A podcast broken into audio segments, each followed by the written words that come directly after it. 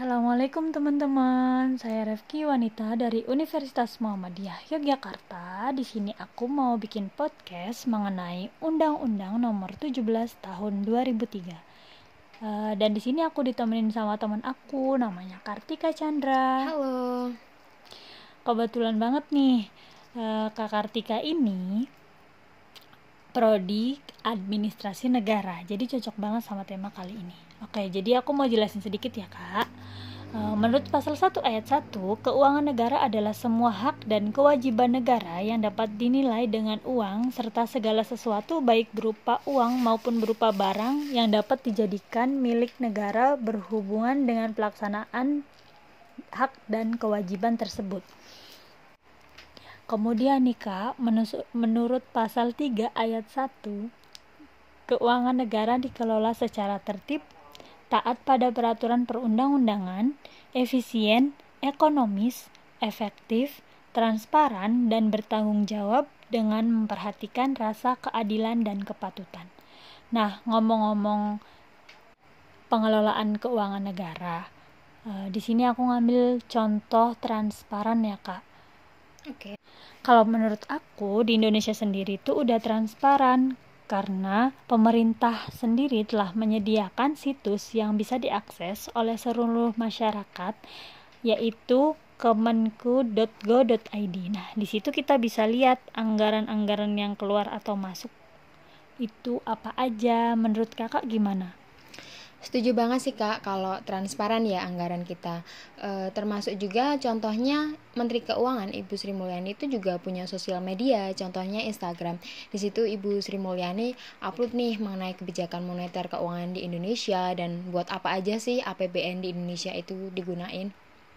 Oke, jadi cocok banget ya kak buat kaum milenial yang males baca nih teman-teman.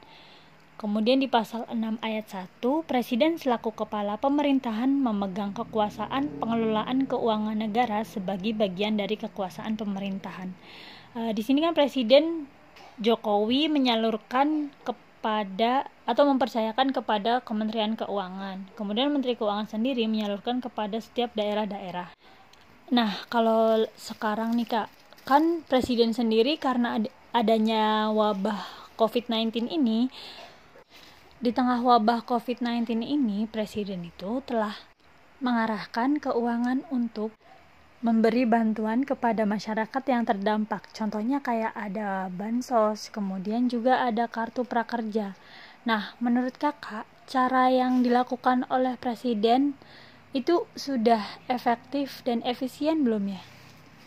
Kalau menurutku ya e, pasti pemerintah sendiri mempunyai niat yang bagus untuk membantu masyarakat yang terdampak. Tapi memang sih realisasi di e, lapangan itu banyak yang nggak tepat sasaran.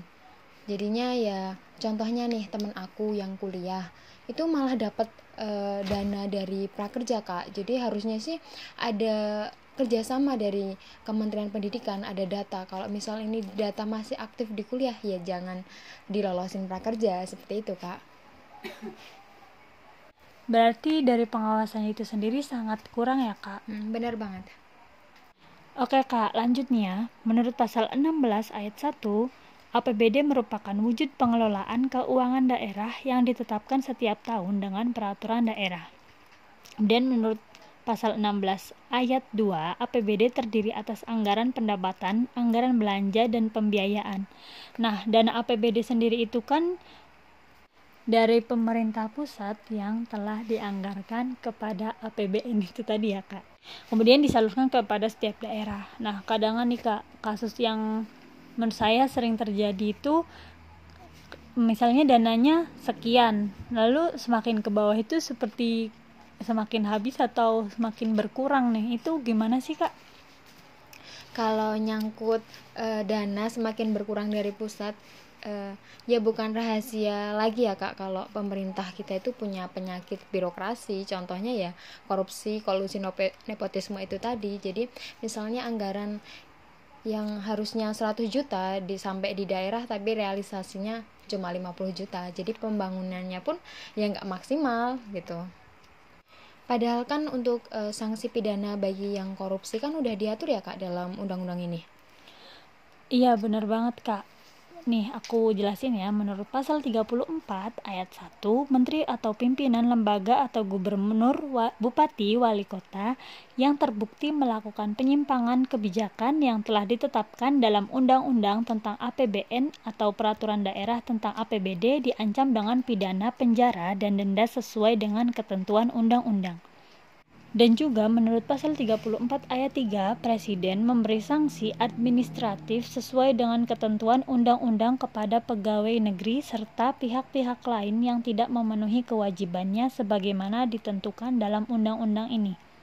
Kemudian juga dalam pasal 35 ayat 1, setiap pejabat negara dan pegawai negeri bukan bendahara yang melanggar hukum atau melalaikan kewajibannya baik langsung atau tidak langsung yang merugikan keuangan negara diwajibkan mengganti kerugian dimaksud. Dalam pasal 35 ayat 2, setiap orang yang diberi tugas menerima, menyimpan, membayar dan atau menyerahkan uang atau surat berharga atau barang-barang negara adalah bendahara yang wajib menyampaikan laporan pertanggungjawaban kepada Badan Pemeriksaan Keuangan.